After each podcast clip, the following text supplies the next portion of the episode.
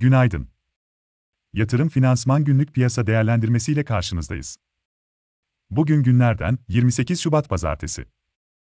Rusya'ya yönelik yaptırımlar genişletilirken, ülkenin özellikle SWIFT sisteminden çıkartılmasının piyasalarda artan bir belirsizliğe ve riskten kaçışa neden olduğunu görüyoruz. Rusya resmi kaynaklarına göre, SWIFT üzerinden günlük para transferi hacminin 50 milyar dolara yakın olduğu, Amerika Birleşik Devletleri'nden sonra günlük işlem adedinde dünyada ikinci sırada olduğu ve Avrupa coğrafyasındaki hacmin büyük bölümünün Rusya ile gerçekleştiği bildiriliyor.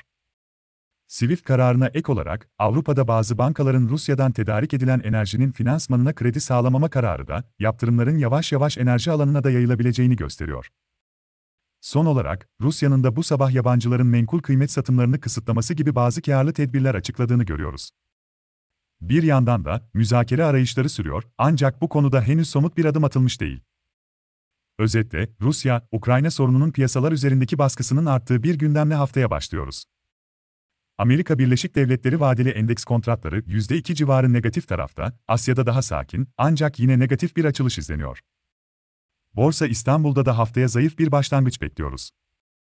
Borsa İstanbul Yüz Endeksinde 1900, 1860 ve 1825 destekleri ile 1970, 2000 ve 2040 dirençleri izlenebilir. Ajanda da ise içeride Ocak ayı dış ticaret dengesi ve 4. çeyrek gayri safi yurt içi hasıla büyüme verisi ile güne başlayacağız.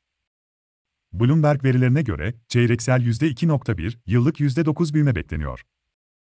Dışarıda ise Amerika Birleşik Devletleri toptan ve perakende satış stokları ile Dallas Fed İmalat Endeksi takip edilecek.